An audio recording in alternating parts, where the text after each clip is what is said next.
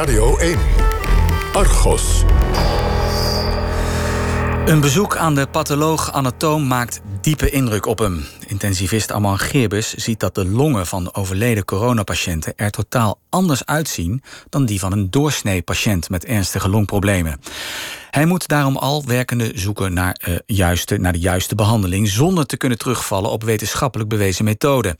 En ondertussen kraakt het zorgsysteem in zijn voegen is het niet beter om coronapatiënten in aparte ziekenhuizen te behandelen?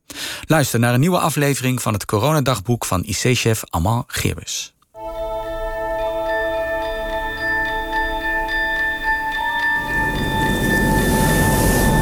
Het is vandaag woensdag 8 april. Het begint er bijna aan te wennen hoe het nu gaat. We hebben vandaag weer meerdere patiënten met uh, COVID, uh, de coronaziekte, opgenomen ook een aantal patiënten zijn, uh, van de beademing afgekomen. Maar er zijn ook een belangrijk aantal patiënten overleden. En we krijgen gelukkig toestemming van uh, veel families om ook een uh, obductie te mogen doen. Hè. Dat is een autopsie. Waarbij het lichaam onderzocht wordt door de patholoog-anatoom. En het zijn indrukwekkende beelden. Ik sprak net met de patholoog-anatoom heel indrukwekkende beelden van de longen. Die, ja, wat dan heet hemorragisch. Dus ja, overdekt met bloed. dus in, in het weefsel zit allemaal bloed. er zijn ook allerlei plaatsen zijn kleine stolseltjes te zien. En het is echt een heel ander beeld dan wat we kennen bij patiënten met een... Uh, wat dan heet in de volksmond een shoklong. Wat we een ARDS noemen. Acute Respiratory Distress Syndrome. Het zijn eigenlijk hele slappe, soepele, tere longen. Terwijl wij normaal bij zo'n ARDS juist hele stugge longen zien. Ja, heel indrukwekkend beeld. En uh, ja, wat ik hoor van de patholoog-anatoom maakt ook dat ik denk dat wij de patiënt op de juiste manier beademen. Wij proberen met de beademing ervoor te zorgen dat de drukken die je genereert om de lucht in de longen te blazen zo laag mogelijk te hebben. Het is een beetje ingewikkeld om dat nu allemaal zo uit te leggen, maar we streven naar dat de drukken zowel bij de inademing als aan het einde van de uitademing zo laag mogelijk zijn.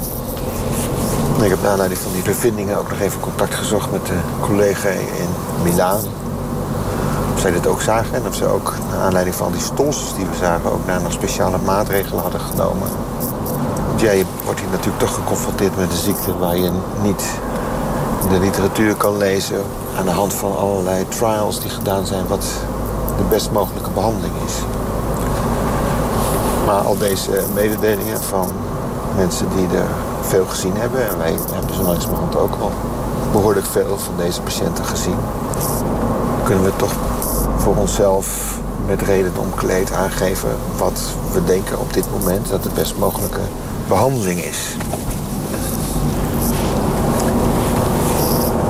Waar we bovendien iedere dag mee geconfronteerd worden... dat zijn patiënten die onverwacht positief voor het coronavirus zijn. En dat geeft heel veel onzekerheid voor de dokters... maar vooral ook voor de verpleegkundigen... die natuurlijk heel dicht op die patiënten zitten. er zijn ook verpleegkundigen die zeggen tegen mij van... nou, ik ben eigenlijk veel liever, word ik ingedeeld op de zaal waar de patiënten liggen waarvan we 100% zeker weten dat ze coronavirus hebben. Want dan zijn we tenminste maximaal beschermd. Terwijl op de afdeling waar de gewone patiënten uh, liggen... we natuurlijk niet de beschermingsmaatregelen hebben zoals we die bij de COVID hebben. En als dan twee dagen later blijkt dat daar een patiënt heeft gelegen... die dan nu opeens positief blijkt... die inmiddels weer vertrokken is van de IC of uitslaapkamer heeft eh, gelegen. Dan raakt iedereen natuurlijk heel erg ongerust. Maar dat is niet alleen zo met de patiënten, het is ook zo met de medewerkers. Ik krijg vandaag weer te horen dat medewerkers met wie ik gisteren gesproken heb... dat die opeens uh, positief blijken te zijn. En je denkt natuurlijk iedere dag, nou, als ik nou maar niet, niet positief word... als ik nou maar niet ziek word niet dat je nou gelijk weer denkt van ik ben onvervangbaar. Hè, want het hele kerkhof ligt vol met onvervangbare mensen. Maar er zit natuurlijk niemand op te wachten om deze situatie uh, ziek te worden. En ja, wat nu zo langzamerhand ook is dat iedereen wel in zijn omgeving uh, iemand heeft die ernstig ziek is geworden. Of zelfs patiënten die ja, zijn overleden. Dus het komt voor iedereen wel ontzettend dichtbij. Maakt het heel angstig. Ja, we zitten toch nog steeds, voor mijn gevoel, in een tunnel waar we dit allemaal maar behandelen. En nog steeds met een systeem draaien waar nauwelijks ruimte is voor de gewone patiënten om behandeld te worden volgens de normale planning. In al denkende is mijn idee dat in ons huidige systeem, zoals we het nu hebben ingericht, is niet berekend en niet geschikt om om te gaan met deze aantallen van patiënten met het coronavirus, met deze ernst.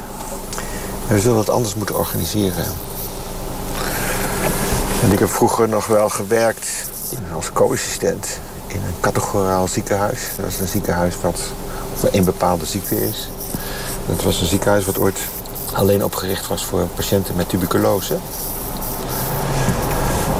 Eerlijk gezegd denk ik, maar daar moeten we nog met veel mensen over praten, er moet nog veel over nadenken. Maar zoals ik het nu tegenaan kijk, lijkt het me wel verstandig om aparte ziekenhuizen te gaan maken voor patiënten met COVID, met het coronavirus. Dat zal altijd betekenen dat je ook in de gewone ziekenhuizen af en toe een patiënt zult krijgen die positief is voor het coronavirus. Alle patiënten die acute infectie hebben met zo'n coronavirus, zou je in apart daarvoor ingerichte ziekenhuizen kunnen gaan behandelen. Dan kan het veel efficiënter wat we nu doen. Verstoort niet alle andere processen. Ja, het zijn goed definieerbare patiënten die ook een goed definieerbare overzichtelijke ziekte hebben. En ja, het zou fijn zijn als daar een heleboel mensen over gaan nadenken. Want zoals het nu gaat, gaan we gewoon niet lang volhouden. De hele grote aantallen die ik eerlijk gezegd verwacht had afgelopen weekend van uh, patiënten is uitgebleven. Nou, dat is natuurlijk heel erg goed nieuws.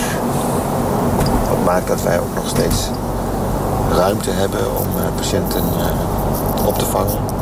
Nou, vanmorgen vroeg dacht ik nog, we hebben heel veel ruimte. Maar nu ik naar huis ga, weet ik dat die ruimte alweer behoorlijk is afgenomen. Omdat er een flink aantal patiënten zijn opgenomen. Maar zoals het nu gaat, en waarschijnlijk ook nog een tijdje zal blijven gaan, dat kan niet. Dus nu hoop ik maar dat ons systeem voldoende flexibiliteit kent om het even rapido anders te gaan organiseren. En mijn inzet is nu aparte ziekenhuizen maken hiervoor. En snel ook. Zodat we ook een, de andere ziekenhuizen dan de gewone zorg weer kunnen oppakken. Dus hoogleraar intensive care geneeskunde Aman Geerbus... hoofd van de IC-afdeling in het VU Medisch Centrum. Wilt u meer fragmenten van Geerbus horen? Dat kan. Op onze site vindt u bijna elke dag een nieuwe aflevering van zijn dagboek. Ga daarvoor naar vpro.nl slash argos en zoek dan op coronadagboeken. Daar kunt u ook het dagboek beluisteren van de Bredase huisarts Joep Kamp.